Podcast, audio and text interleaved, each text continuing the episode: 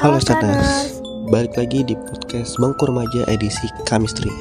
Malam ini kami akan menemani malam Jumat kalian dengan cerita yang tidak biasa, yaitu kisah misteri dari legenda Slenderman. Nah, partner kami Habil ini akan bercerita untuk mendengar setiap podcast Bangku Remaja. Oke Stanas, tanpa berlama-lama lagi, saya Radit. Dan saya Fani, kami, akan, membawa kalian pada, sisi, lain kehidupan. kehidupan.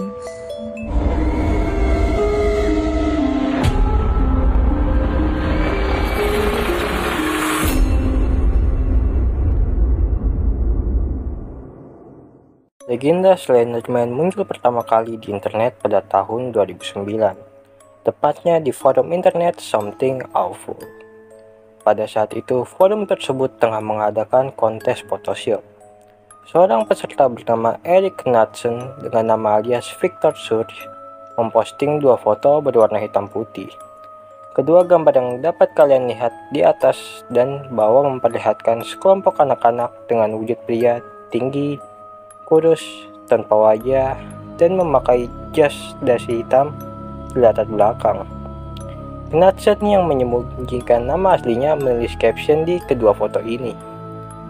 Kami tidak ingin pergi, kami tidak ingin membunuh mereka, namun keheningan dan tangan yang panjang membuat kita takut dan nyaman bersamaan. Kasus-kasus Slenderman pada tahun 2014, dua anak perempuan berusia 12 tahun di Waukesha, Wisconsin di Amerika Serikat, membawa teman sekelasnya ke dalam hutan dan menusuknya. Dua gadis tersebut bernama Anissa Weyer dan Morgan Geyser. Sang korban, Peyton Leutner, dapat bertahan hidup karena waktu itu ditemukan tengah merayap di jalan raya dan segera dilarikan ke rumah sakit. Ketika ditanya oleh pihak berwenang, kedua pelaku menyalahkan Slenderman atas perbuatan yang mereka lakukan.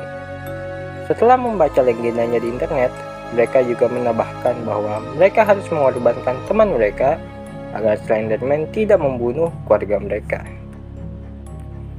Setelah melakukan diagnosa, dokter menyimpulkan bahwa kedua anak perempuan ini mengalami gangguan jiwa Kasus ini kemudian menjadi subjek dari film dokumentasi produksi HBO dengan judul Beware the Slenderman pada tahun 2016. Legenda Slenderman rupanya kembali menelan korban. Pada bulan Juni 2014, seorang wanita di Ohio mengakui bahwa anak perempuannya yang berusia 13 tahun menyerangnya dengan pisau. Sang anak diketahui telah menulis beberapa cerita fiksi horor, salah satunya berhubungan dengan Slenderman. Kemudian, pada bulan September 2014, seorang anak perempuan berusia 14 tahun membakar rumahnya. Ketika ibu dan adik laki-lakinya yang berusia 9 tahun masih ada di dalam. Polisi mengatakan bahwa pelaku sering membaca manga Soul Eater dan mengunjungi situs yang berisi cerita dan informasi mengenai Slenderman. Karakter legenda dari internet ini juga diakui telah menginspirasi anak-anak muda usia 12-24 tahun untuk bunuh diri pada tahun 2015 di daerah penampungan di Indian Pine Ridge di Amerika Serikat. Meski telah menimbulkan banyak kasus yang kontroversial, media tampaknya tetap menjadikan Slenderman sebagai sebuah budaya populer. Sepanjang tahun 2009 sampai 2014, Joseph Delage dan Troy Wagner membuat serial web mereka berdasarkan legenda Slenderman dengan judul Marble Hornets.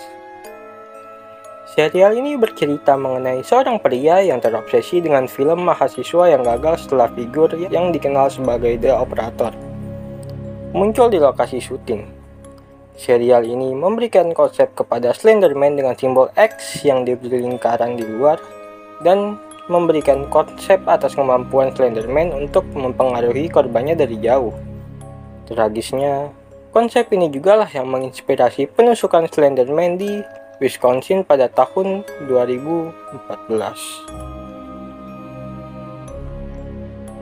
Wah gini ya kalau kita salah tangkap atau nggak pandai ya memaknai sebuah cerita antara yang hayalan atau yang nyata. Betul, karena fakta atau tidak, Perilaku bunuh diri atau membunuh orang lain dapat kita cegah dari diri sendiri dan tidak terpengaruh oleh situs atau web yang berhubungan dengan penghasutan Slenderman.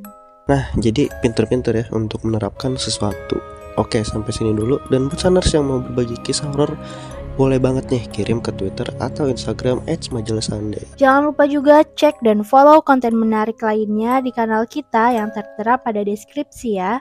Nantikan edisi horor lainnya. lainnya.